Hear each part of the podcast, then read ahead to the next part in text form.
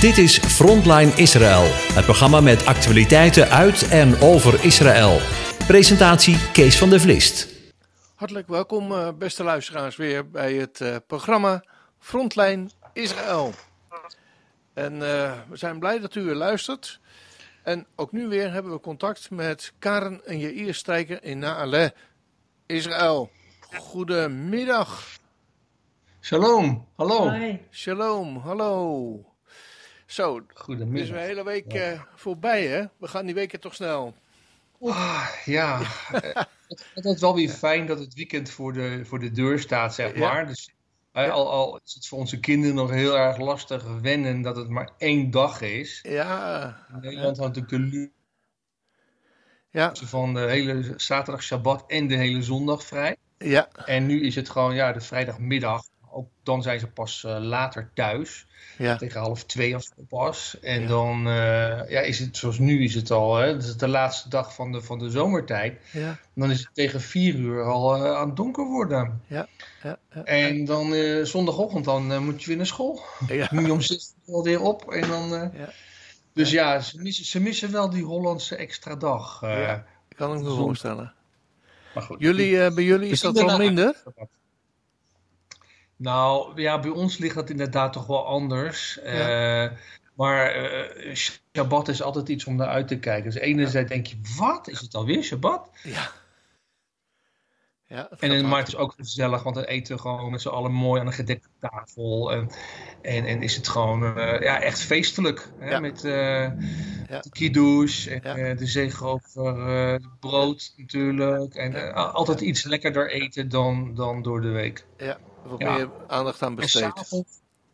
ja, en s'avonds hebben we dan ook echt iets van, van jongs af aan gedaan van uh, jongens, we doen geen tv, geen telefoon. Uh, we zijn er gewoon met elkaar spelletjes spelen. Want ja, anders, anders is het elke dag hetzelfde. Ja. Uh, ze zitten altijd al op hun telefoon en, en wij natuurlijk ook. Ja. En ja. Nee. nou, ik zit nooit op. Jij zit de hele dag op je telefoon. Oh, nee, nee. je zit de hele dag plaatjes. Weet je, misschien, misschien kunnen we naar een, een veiliger onderwerp. En doe maar. Ja, ja het is ook uh, uh, hoe is het weer op dit moment in, uh, bij jullie en Nale? Het weer of de ja. sfeer? Nee. het weer. Het weer. Nou, je zult je verbazen. Ja. wij dachten we gaan een beetje de koelte ja. tegemoet. Maar ik, deed, ik was vanmorgen al in, de, in de vroegte eruit. En de warmte uh, kwam me tegemoet. Het was jo. binnen veel kouder. En vandaag is het toch bijna zo'n 30 graden geworden. Ja. Ja. ja. Ik, ik, uh, ik meen wel dat het wel weer wat gaat koeleren de komende week. Maar uh, ja, ja, het was wel verbazend wekkend opeens weer zo warm. Ja, ja want de vorige week dat we elkaar spraken, kan ik me nog herinneren. Dat jullie aangaven van nou wordt hier inderdaad ook wel, wel koeler.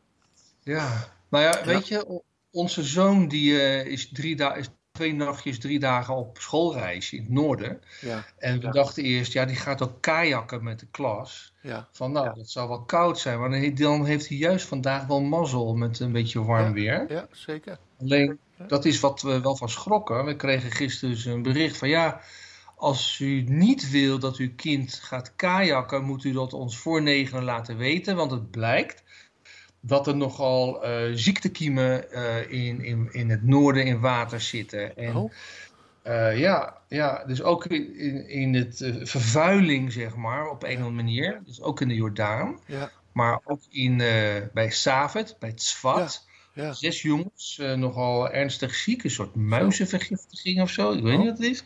Ja. Ja. ja. Maar, goed. Nou ja, als dus, alle gebeden verhoren, verhoord worden, moet ik zeggen. Ja. Uh, want ik begreep uh, dat vanaf de laatste dag van het Lofuttefeest, dan bidden orthodoxe joden voor regen ja. in Israël. En dat doet men dagelijks wel drie keer per dag, tot Pesach. Ja. Dat is inderdaad zo. En vanaf Pesach tot Loofhuttenfeest, ja. dan, dan ja. bidden we zeg maar ook voor ja, dat het weer dus niet extreem wordt, maar er wordt dus niet specifiek voor regen gebeden. Nee. Echt regen is echt zo nodig om het dan, ja nu is het, uh, het graan gezaaid. Ja. En uh, dat moet dan rond uh, Pesach ja, rijp zijn, hè? De, de gerst en daarna dan de tarwe. Ja. dus waarom, ja, waarom doen orthodoxe joden dat drie keer per dag? Nou, omdat dus drie keer per dag uh, gebeden wordt. Dat zijn natuurlijk uh, in navolging van wat ook vroeger in de tempel gebeurde. Had je natuurlijk het ochtendritueel, het ochtend- en de minga, het middagoffer. minga? En je had minga. Minga, ja. Minga, ja. En dan had je het avondoffer. dus ja, je had drie keer per dag die rituelen. En ja, daaraan zijn dus ook gekoppeld de dankzeggingen, de lofzangen die werden uitgesproken. Ja, en zo is dus ook die, zijn die, die gebeden ontstaan. Het ochtendgebed, ja. middaggebed, dat, dat heet dan ook mincha, het middaggebed. En uh, avondgebed. Uh, uh, ja, dat heb je dus zo, eh, al die drie die gebeden. En van daaruit, ja, dat wordt dus met name ook het 18 gebed gebeden. Oh. Het is een oer, oeroud gebed. Er worden natuurlijk meer dingen gebeden, maar het 18 gebed is standaard. Er zijn 18 strofen, eigenlijk 19, maar het wordt nog steeds 18 gebed genoemd.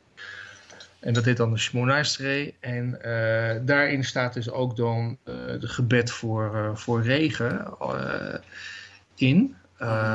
Uh, geef zegen, uh, tental umatar, geef dan ook dus de dauw en uh, ja, dat we ook dus de, ja. de, de, zegen van de regen mogen ervaren. Want dit land is gewoon een heel droog land. Ik bedoel, ja. ik ben het ook zo zat om elke dag één tot twee keer die tuin toch een beetje na te lopen of alles nog wel leeft. Ja. we doen het toch nog met de hand sproeien, hoewel je in Israël heel veel systemen heeft, heeft Israël ook zo'n druppelsysteem. Ja, zo'n druppelsysteem. Ja, ja maar dat, dat, dat werkt niet in deze tuin op een andere manier. En dus we staan zelf die plantjes te besproeien, wat ook wel weer relaxed is, even vind ja. ik. Van, ja, er wel even tussenuit, tussen je gewone werkzaamheden. Ja, maar ik denk ook van, oh, het zou wel fijn zijn als je dat even gewoon weer een paar maanden niet hoeft te doen. ja, snap ik ook. Snap ik ook. Ja. ja. Um, tussen de, uh, tenminste dat is wat ik ook las, dat er tussen de uh, betwiste gebieden hè, van Samaria en Judea met een Israël uh, staan hekken en nog wat ja. grensposten. ja. Daar las ik iets van wat je zelf geschreven hebt. Misschien wil je dat een beetje, een beetje toelichten. Ja, uh, weet je, wij wonen natuurlijk net over uh, de, de, de grens met de groene lijn. Ja. En, uh, wat, dan Samaria, wat dan Samaria heet, wat dan, wat, wat dan bestempeld ja. wordt door de wereld als, als bezette gebieden. Maar het zijn gewoon de betwiste gebieden. Nou, wij wonen dan bij Modi'in, zeg maar zo'n vijf minuutjes de grens over. Okay. Maar goed, wil je dus wil je dus, en ook de kinderen, s ochtends vroeg uh, naar school, moeten ze dus met de schoolbus ja. altijd voor die grenscontrolepost wachten. Ja. En die wordt dan, uh, komt iemand in de bus en die loopt die hele bus naar of er alleen maar schoolkinderen in zitten. Nou ja, dan ben je ook zo twee minuten verder. Uh, en dan, ja, als het bijvoorbeeld een, een Arabische Israëli, die bijvoorbeeld terug Israël in wil, die wordt dan ook extra gecontroleerd. Van ja. heb je wel identiteitskaart en alles kan duren. En als, als iemand dus verdenkt, uh, denkt van ja, die heeft misschien uh, gesmokkeld, dan wordt hij dus dan, ja, wordt hij eruit gepikt en dan ja. moet hij dus extra gecontroleerd worden. Alles duurt en duurt. Nou, soms wel eens een kwartier te wachten. Ja. Maar, wat gebeurt, en er, maar er zijn ook grensposten waar je gewoon heel snel er doorheen bent. En dus dat, dat vind ik ook zo niet logisch hier. Nee. Weet je wel, dat je aan de ene kant kan je er heel snel doorheen en aan de andere moet je lang wachten. Maar bovendien, en dat is toch wel ergerlijk en ook zorgelijk, is dat er dus. Uh, gaat over tientallen kilometers hek. En soms is het maar gewoon een stom hekje, en soms is het een wat grotere muur. Op heel veel plekken gewoon maar een ijzeren hekje waar ook gaten tegen geknipt kunnen worden. Ja. ja, en er is dus al eigenlijk al heel erg lang dat mensen daar misbruik van maken. En die knippen ja. het hek door. En die gaan dus naar Israël illegaal. Ja. En zo zijn er dagelijks duizenden Arabieren uit de gebieden die illegaal in Israël werken en rondlopen. Ja.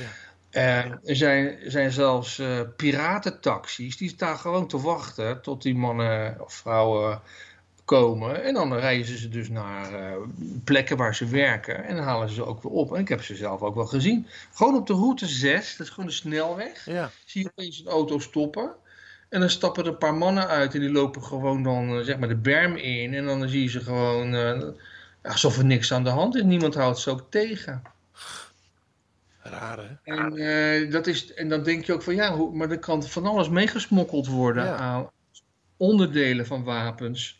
Ja. Die dan ergens anders geassembleerd worden. Of, ja. Nou ja, goed, nu, daar zijn dus nu ook wel weer vragen over uh, gekomen ja. deze week. En, en dit, dit moeten ze gewoon stoppen. Want ja, wat, het, is ook, ik krijg nog een beetje gewoon irritatie dat ik gewoon zo lang met de auto moet wachten. Dat die andere knullen er gewoon doorheen lopen. Ja, dan, loop je, dan ga jij toch ook lekker lopen. Schrijven we er zelf door, voortaan. Met de auto. Dat kan toch Iets groter gat knippen. Ja, toch. Je hebt altijd van die, van die super creatieve ideeën. Ik vind ze heel Als jij knipt, dan kijk ik toe. Oh ja, ja, ja. Moet je, voor, je wel hele grote gaten tegenwoordig gaan knippen, maar goed, een ander ja. Wat erg. ja, we zijn heel erg op dieet. We zijn heel erg op dieet. Het gaat goed met ons hoor. Ja, ik hoor het. Jullie worden er niet gezelliger op. ja. ja. Um, nee, maar het is, het is natuurlijk wel uh, ook zorgelijk, omdat ja, de, de veiligheid is daarmee uh, in het geding. Ja, ja dat kan me ik voorstellen. ook wel dat, dat dus de mensen die dus naar, naar in Israël komen werken, veel meer geld verdienen dan dat ze hier in de gebieden ja. ja. ja. zouden verdienen. Ja. Dus ja. Dat, is, dat begrijp ik ook wel. Maar uh, ja. ja, anyway. Dus nou inderdaad een punt. Een ander bericht wat ik las, dat is uh, dat de Israëlische grenspolitie uh, deze week de olijfplukkers uh, vanuit Libanon heeft toestemming gegeven heeft om olijven te plukken. We hebben daar zelf vanuit Radio Israël ook aandacht aan besteed. Ja, dat is wel bijzonder, ja. toch? Ja, dat is zeker bijzonder. En ja. zo zien ze het ook gewoon als een stukje hulp. Weet je, want het is gewoon Israëlgebied. En ja. Ja, je moet zo zien, dus die grens uh, daar, dat is natuurlijk een bufferzone. En daar hebben ze dus ook wel bomen staan. En, ja. ja, en nu hebben ze gewoon gezegd, weet je wat, we laten gewoon die... Uh, ik geloof dat het drie dorpen betreft, oh. die dat genoemd zijn. En uh, uiteraard worden die jongens natuurlijk, en die vrouwen wel goed gecontroleerd. Ja. maar dan mogen ze gewoon in ieder geval de Israëlische olijven plukken. Want ja, het is natuurlijk een behoorlijk uh, drama economisch. Uh, ja, enorm. Enorm. Ja. Uh, maar Als je plaatjes daarvan zie je op, op, de, op de televisie, dan ja, het is verschrikkelijk, ja. Ja, ja maar er wordt ook sowieso wel veel gesmokkeld hoor. Want ik geloof een paar weken geleden is, ik weet niet of we het wel een keer genoemd hebben. er waren er ook een aantal infiltraties vanuit Libanon. Ja. En uh, dat waren uh, zwarte mannen die dus eigenlijk uit, meen Sudan kwamen, op een manier in Libanon en via Libanon Israël binnen probeerden te komen om, om ook weer dan ja, gewoon uh, te werken. Maar ook wapens en drugs die eh, worden onderschept. Dus ook daar is ergens gewoon lekkage. Kijk, het is dus niet zo als logisch, die... hè? Als je die, als je, als je, ja, als je die grens openzet, ja. ja, dan kan het ook misbruikt worden. Ja, ja. Ja, nou, ik, ik denk dat in dit geval wordt dat echt wel goed gecontroleerd. Ja. Maar we hadden natuurlijk, is het alweer, misschien alweer twee jaar geleden, dat dat toch uh, allemaal van die uh, terreurtunnels uh, ontdekt waren hè, van ja. Hezbollah. Ja. maar goed, dus ja. ja. dat verhalen. Ja, um, dan nog een laatste, denk ik. Uh, want ik denk niet dat er verder heel veel uh, nieuws was. Uh, oh nee, ik, ik heb er nog eentje. Want deze week landde ook voor het eerst, dacht ik, een Israëlisch vliegtuig in Saoedi-Arabië. Ja, ja, dat, dat is, is toch ook wel bijzonder, hè? historisch. Ja. Ja. Dat is denk ik nog niet veel eerder gebeurd. Uh, nou ja, niet wat weten? hier in de media in ieder geval uh, is verkondigd. Kijk, het is zo dat Israël die vliegt natuurlijk regema regelmatig op, op India en ja. Mumbai en ja. zo. Ja. Maar die moest dus altijd enorm om, uh, omvliegen, omdat ze dus niet over over het territorium van Saoedi-Arabië mocht vliegen. Nou, dat, dat is al veranderd sinds een, minimaal een jaar. En nu was er dus ook een, een privévliegtuig geland. Mhm. Maar ook hier in Israël een uh, Saoedisch vliegtuig geland. Dus het, er zijn wel ja, bijzondere ontwikkelingen tussen die twee landen. Maar we moeten niet denken dat het meteen uh, en is. Nee. Maar dit soort stappen zijn toch wel hoopvol. Ja, zeker. het zijn geen gevechtsvliegtuigen wat geland. Nee, gelukkig niet. Het bom. Ja, ja, ja, ja, Voor de komende week, daar staat de parasha Gaye Sarah ja. Als ik het goed uh, uitspreek, uh, op de. Uh, ja, is aan de beurt. Ja, helemaal goed. En uh, er wordt het een en ander gevierd, dacht ik ook, in, in Israël, toch? Ja, gevierd, meer, meer herdacht, zeg maar. Want okay. kijk, um, het, eer, het, is natuurlijk zo, als je teruggaat in de geschiedenis, wat is het eerste stukje onroerend goed? wat dus de voorouders en de voorvaderen van Israël in het land gekocht hebben, dan is dat dus de grot van Machpelah. Mm En, uh, want ja, er staat dan uh, in Genesis, uh, Sarah stierf en dan Abraham, uh, die zoekt dan een plek om zijn vrouw te begraven. Maar hij, hij woonde weliswaar in het land, maar hij had nog niet een eigendom van een stukje grond. Nou, en dus het, de aankoop eh, van, van die grot in Hebron is natuurlijk de eerste stap hè, van, uh, ja, van, van, van, van, eigendom van, van Israël. En um, het is zo dat deze grot, die was bij Abraham al wel bekend. Want volgens de overlevering wist hij dat dat ook de begraafplaats was van Adam en Eva. En dat is niet zo gek als je bedenkt dat de lijnen tussen uh, Seth, uh, dus de zoon van Adam en Eva, de derde zoon, en Abraham, die zijn niet zo heel erg lang. Uh, omdat daar ook dus, uh, ja, de mensen werden ouder. We hebben wel een overzicht. Een paar generaties tussen die dat hebben kunnen vertellen. Van nou, Seth wist dat zijn ouders daar begraven werden. En Noach wist dat ook. En van Noach naar e e e uh, Ebenezer. Um, en, nee, hoe heet die nou? Waar in de tenten van, waar Jacob ook studeerde nou ja, ik ben even de naam van de goede, goede voorvader kwijt. Maar goed, in ieder geval uh, zijn die lijnen waren kort. Dus hij wist, daar liggen dus de eerste mens, Adam en Eva. Adam de Gava. En die, die plek wil ik graag kopen. Dus hij uh, koopt die plek. En het is zo dat dus ieder jaar, als dus de parasha Gaye Sarah wordt gelezen, dan gaan al die mensen naar Hebron toe en overnachten dan uh, van vrijdag op Shabbat uh, in, in Gevron, in, bij de Machpelah. En uh, het is eigenlijk een groot, nou, wat dat betreft al een groot feest. Maar het is natuurlijk de herinnering ja. van, dit is aangekocht door onze voorouders. Het is ons gebied. Ja. En hier ligt dus onze aartsmoeder, ja. Sarah. En niet alleen Sarah ligt er, maar ook Rebecca ligt er. En, um, en Rachel ligt daar. En dan de drie aarts, aartsvaders. En, en alleen uh, uh, Rachel die ligt natuurlijk bij, uh, bij Bethlehem. Mm -hmm. Maar het is dus een hele bijzondere, bijzondere weekend. Ja. dit komend weekend. Ja. En het, het, het is dus dat deze plek dus geclaimd wordt door, ja, door, door, door Arabische, door de Palestijnen in dit geval.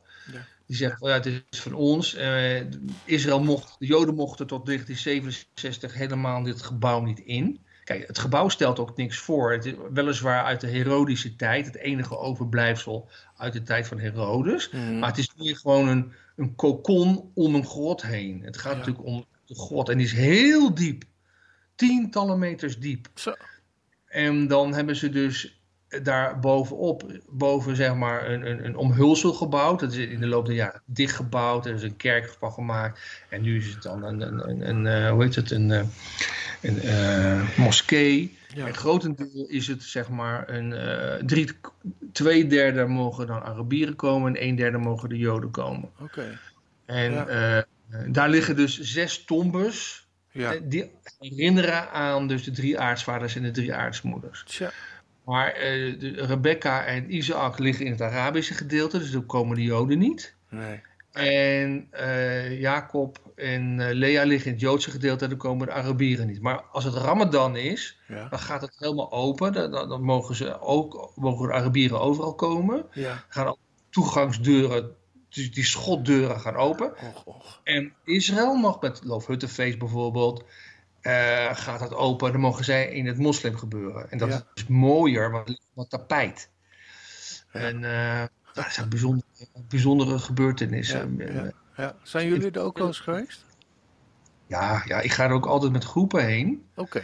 En uh, ja, ik vind Hebron is natuurlijk koning David daar zeven jaar koning geweest. Ja. Uh, er ligt een eindje verderop ook het uh, herinneringen van het graf van Rut, dus de overgrootmoeder van David. Ja. Dat weten heel veel mensen niet.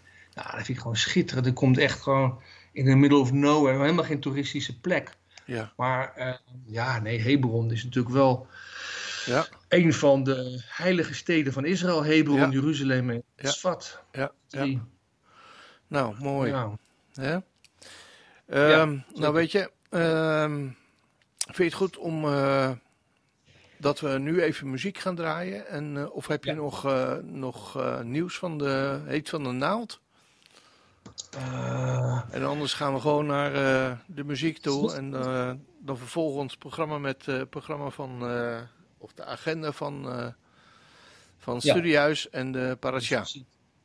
Ja, het, het is verder redelijk rustig. Ja, er ja. zijn in Israël gaan ze wel met, met de budgetgoedkeuring ja. bezig. Het loopt allemaal vrij goed. Ja. Ik denk niet dat er heel veel gebeurt. En er is wat spanning tussen Amerika en Israël, Biden en en Bennett kunnen niet heel goed door één deur, want uh, Israël uh, heeft toegestemd in, in het bouwen van nieuwe woningen ja. in de gebieden. En daar Biden, toen hij al een jonge man was, dreigde hij al alle contact met Israël op te zeggen. Uh, omdat Israël gewoon niet moet bouwen en moet uitbreiden in de gebieden. Ja, en hij is nu een oude man en hij denkt nog net zo.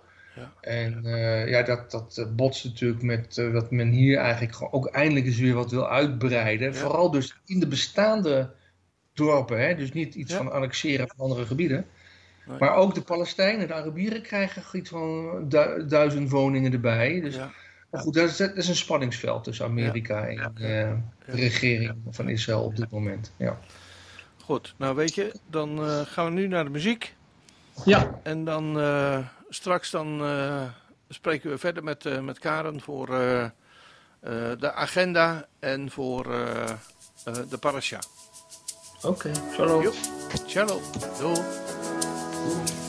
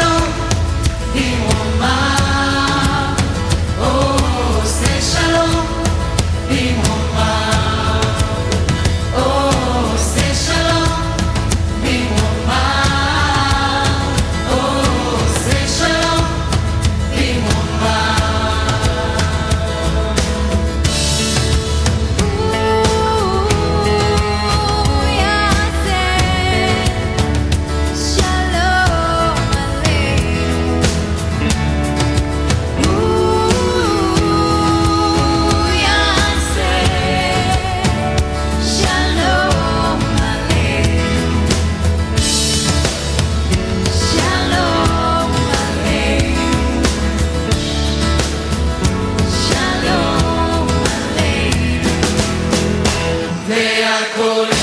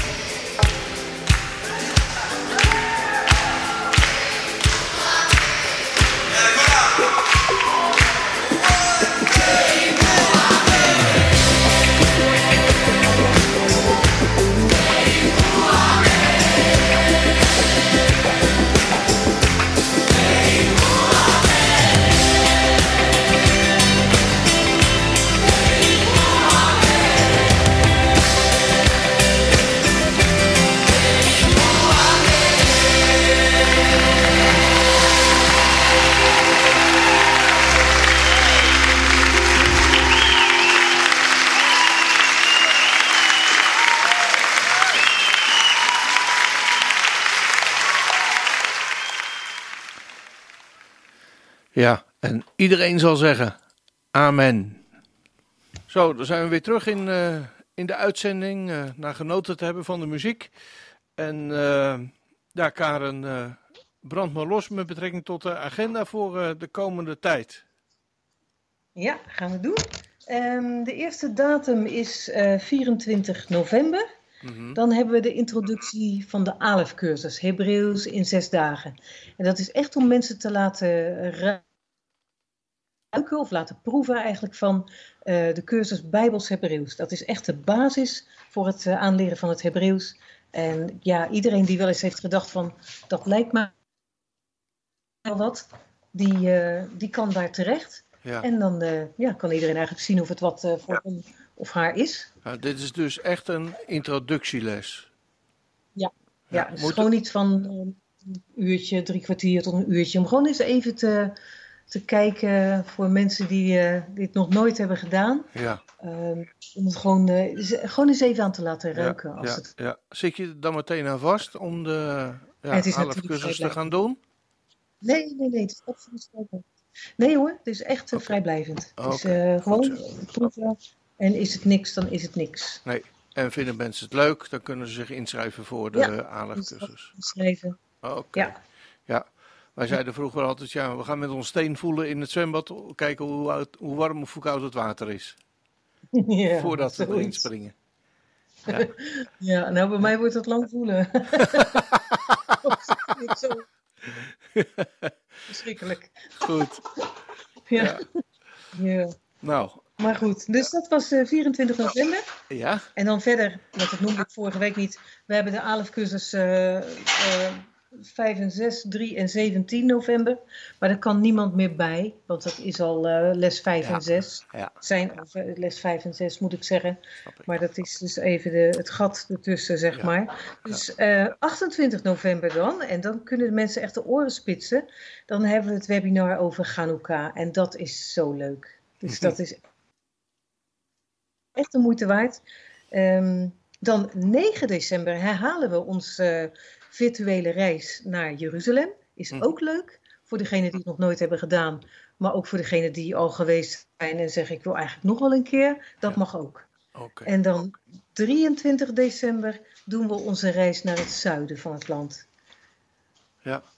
Ja, dat, eh, en dat, het is zijn, dus, eh, eh, dat zijn eh, eigenlijk lekkermakertjes om te laten zien van hoe ziet het land eruit. En eh, nou ja, ja, jullie ontmoeten daar ook mensen in, hè?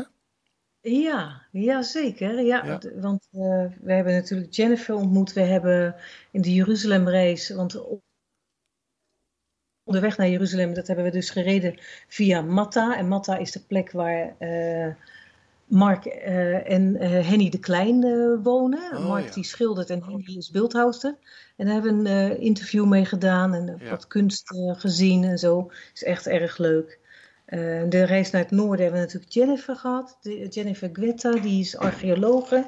En de reis naar het zuiden zullen we ook met uh, mijn schoonzus spreken, met uh, Tamar en met haar man Uzi. En ja, mensen wonen hier al zo lang. Uzi is echt een, die is hier geboren. En dat is echt gewoon bijzonder. We gaan ook naar de soldaten. We hopen daar wat interview te kunnen doen aan de grens met Gaza. Um, het hangt een beetje ervan af of het wel of uh, minder gevaarlijk is, weet ja, je wel. Precies. Maar dat zijn wel hele mooie dingen. Om ja, de soldaten zeker. zelf aan het te laten, als dat lukken mag. Uh, we maken er wat moois van. Goed, uh, nou, als mensen zich willen aanmelden voor deze activiteiten, dan kunnen ze een mailtje sturen naar info.studiehuisrecit.nl. Ja. en alle avonden, alle activiteiten, die beginnen om half acht Nederlandse, Nederlandse tijd. tijd. Nederlandse ja. tijd. En duren ongeveer een uurtje, dacht ik, hè? Ja, zoiets. Ja. Soms ietsjes langer, soms misschien ja. ietsjes kort. Nou, meestal is het dan een uur. Of het loopt vijf, vijf minuten uit of zo. Ja, ja. maar dan weten mensen een beetje waar ze aan toe zijn. Nou, alle webinars en uh, reizen die zijn uh, kosteloos. Maar uh, mensen zijn natuurlijk altijd vrij om een gift over te maken. En de cursussen... Ehm, die uh, kost uit uh, iets van, dacht ik, 95 euro. Of nee, 5, uh, 79 moet ik 79. Zeggen. Ja, okay. voor zes lessen. Ja. Nou, voor zes lessen mensen, uh, voor 79 euro, dat, ja. dat krijg je nergens. Ja. Um, en het zijn hele leuke lessen die, die gegeven worden. En ja, je gaat ook dingen herkennen. Ja, en we doen het ook aan de hand van een PowerPoint. Dus we maken we hebben natuurlijk een boek. Ja. Dat boek kan los besteld worden. Heel veel mensen hebben dat boek al. Ja. Eh, de ALF cursus Hebreeuws in zes dagen. Maar we hebben er ook een PowerPoint bij. En daarmee leggen we het gewoon zo goed mogelijk uit. We maken het heel aanschouwelijk. Ja. En doen het oefeningetjes. En uh, ja, mensen leren uitspreken. Uh, we gaan dan aan de hand van uh, het alfabet het, het, verhaal van de drie uittochten vertellen. Ja. En daar hangen we de grammatica aan op. Het is heel spelende wijs. Ja. Dat is zo leuk. Goed, dus uh, alle angst om uh, een beetje kennis te maken met Hebreeuws, uh, die is weggenomen, hopen we. Hè? Hoop ik. Ja, hebben we een poging gedaan. Ja. Nou, dan zullen we overgaan naar de parasha voor deze week. Ja, ik ben vreselijk benieuwd. Ja. hij is mooi, hè? Och, parasha Gaye Sarah, het leven van Sarah. Ja, en uh, ja, dus eigenlijk gaat het niet eens zo over het leven van Sarah, het gaat meer over haar sterven. We lezen dan Genesis 23 tot en met 25, vers 18. En dan uit de Haftara lezen we 1 Koningen 1, uh, vers 1 tot 31. En we lezen Matthäus 1 van 1 tot 17.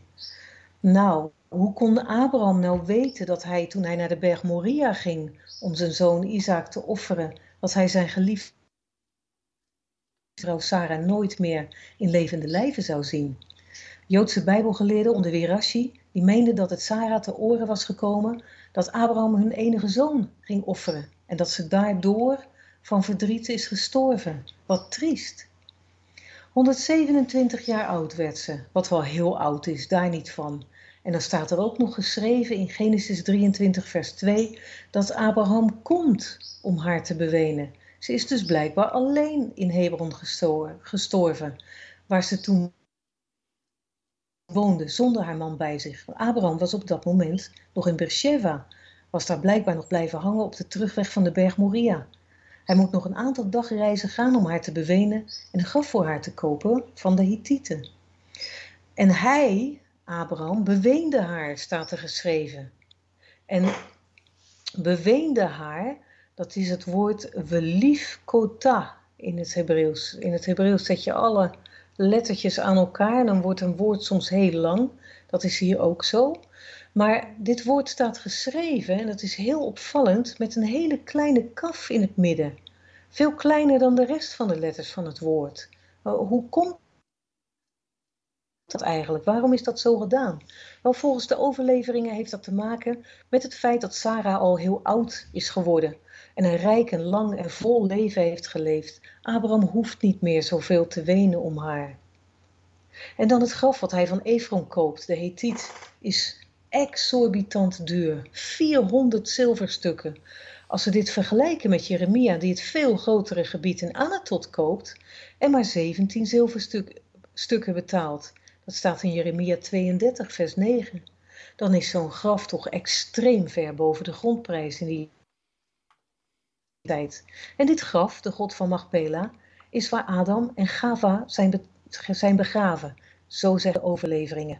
Vandaar dat Abraham juist deze god graag voor zijn vrouw wil kopen, zonder af te dingen op de prijs. En Machpela betekent dubbel, van het werkwoord kafal. Kafal betekent verdubbelen. Het is een dubbele begraafplaats met het oudste graf onderop, of de oudste grot onderop, en nog eens een graftombe daarboven. In 1968 liet men de 12-jarige Michal Arbel naar beneden in die grot om te onderzoeken hoe deze precies in elkaar steekt. Zij was slank genoeg om door de ingang met een diameter van 26 centimeter heen te kunnen. En ze werd aan een touw naar beneden gelaten met een zaklantaarn en een camera. En ze zag verschillende graftombes en een trap in de grot. Later in 1981 is een groep via deze trap naar binnen gegaan en heeft de graven gezien die in wonderbaarlijk goede staat waren, gezien hun ouderdom. Het is overigens opvallend dat alle gebieden die gekocht zijn door Abraham, door Jacob en door David, dat dit ook de gebieden zijn die heden ten dagen betwist zijn door de Arabieren, namelijk die god van Machpela bij Hebron, het graf van Jozef bij Sichem en de Tempelberg, wat ooit de dorsvloer van Arona was, welke David kocht om te offeren. Dan lezen we over de zoektocht van Abrahams trouwe knecht Eliezer. Hij zoekt een vrouw voor Jitschak, Isaac en komt terecht bij de familie in het oude thuisland van Abraham, waar hij niet voor niets aan God als bevestiging vraagt of de maagd die water komt putten ook zijn kamelen zal drinken. Ze moet een goed hart hebben. En dan zal ze passen in het imperium van Abraham. Want Abraham zelf is een goed mens, gastvrij en diep gelovig. En zo heeft hij Jitschak ook opgevoed. En dan iets anders over Jitschak. Waarschijnlijk is hij niet helemaal goed. Waarschijnlijk mankeert hem iets. Want welke man van 37 jaar oud laat zich zonder te verweren op een altaar leggen? En waarom zoekt hij eigenlijk zelf geen vrouw? En waarom vraagt Eliezer of hij hem terug moet brengen naar het geboorteland van Abraham? En laat hij zich ook later niet wat al te makkelijk in de luren leggen door Rebecca en Jacob wat betreft de eerste zegen. Er is verder ook opvallend weinig over hem geschreven, in tegenstelling tot zijn vader Abraham en zijn zoon Jacob. Eliezer weet dus dat de aanstaande vrouw van Isaac een lieve, zorgende meid moet zijn. God verhoort zijn gebed en Rebecca komt mee. Zo mooi hoe ook hier geschreven staat dat Isaac met haar getroost wordt over het verlies van hun geliefde moeder. Zijn geliefde moeder moet ik zeggen. En dan Abraham hertrouwt met Ketura, krijgt nog veel meer zonen. Echter de zoon die het verbond vertegenwoordigt, is en blijft Jitschak. Dat heeft Abraham zo geregeld. Daarna pas sterft deze geloofsgigant, niet eerder. Er komt nu waarschijnlijk best heel wat neer op de tengere schouders van Rebecca. In een koningen pikt Adonia nog bijna de plaats in van Shlomo als koning. De brutalen hebben de halve wereld, zou hij misschien hebben gedacht. Gelukkig grijpen Nathan en Bathseba in en komt de plaats vrij voor de beloofde zoon Shlomo. David, die intussen door de Sunamitische Abisag wordt verzorgd, bekrachtigt de belofte op zijn sterfbed en ook hij sterft niet eerder dan dat dit is geregeld voor zijn zoon. Wat zo opmerkelijk is aan het geboorteregister van Jehoshua, is dat het gaat van vader op zoon en dat dus Jozef wordt genoemd als zijn vader. Terwijl we allemaal weten dat hij dat niet is. Immers is Jehoshua uit de Heilige Geest geboren. Wat een bijzonder eerbetoon is dit aan Jozef, die zijn aanstaande vrouw niet in de steek laat als ze zwanger blijkt te zijn. Hij is wel degelijk nodig en uitgezocht in deze bijzondere heilsgeschiedenis. En ook valt het op dat de door David omgebrachte Uria wordt genoemd in vers 6. Hij was rechtvaardig en hoort dubbele en dwars thuis in dit geboorteregister. Concluderend gaat het deze week in de Parasha en Haftara-lezing om wisseling van de wacht. Rebecca neemt de plaats in van Sarah als aartsmoeder. Shlomo neemt de plaats in van zijn vader David als koning. En Joshua neemt de plaats in van zijn, tussen haakjes, voorvader David als heer der heren en koning der koningen. Baas boven baas. Shabbat shalom. Ja, en dan zijn we hiermee weer aan het einde van de uitzending gekomen. We hebben nog wat tijd over, dus we gaan nog uh, één of twee nummers draaien. En dan neem ik voor nu alvast afscheid van u en wens ik u God zegen toe. En wie weet, tot volgende week.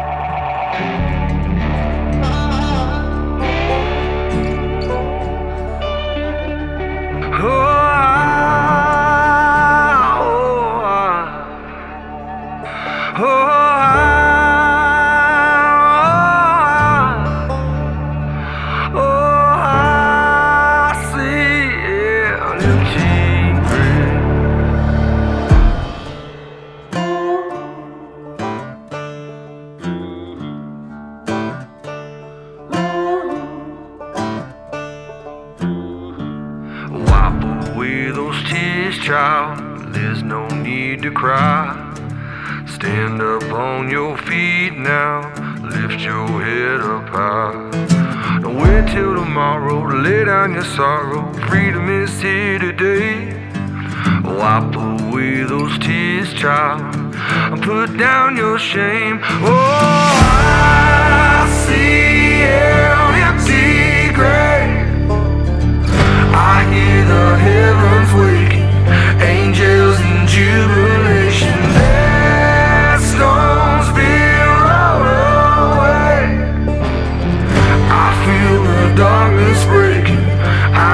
the devil's shaking. Somebody celebrate. I see an empty grave.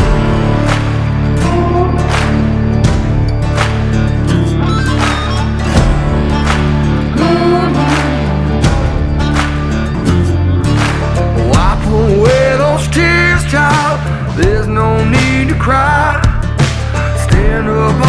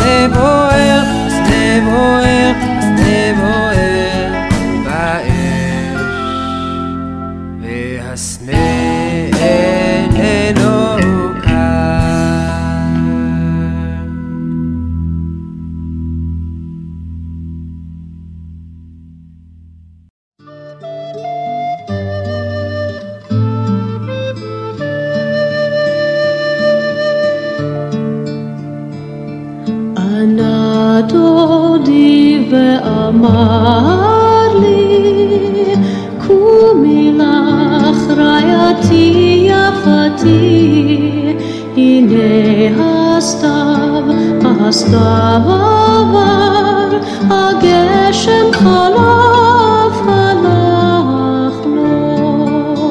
а ניצן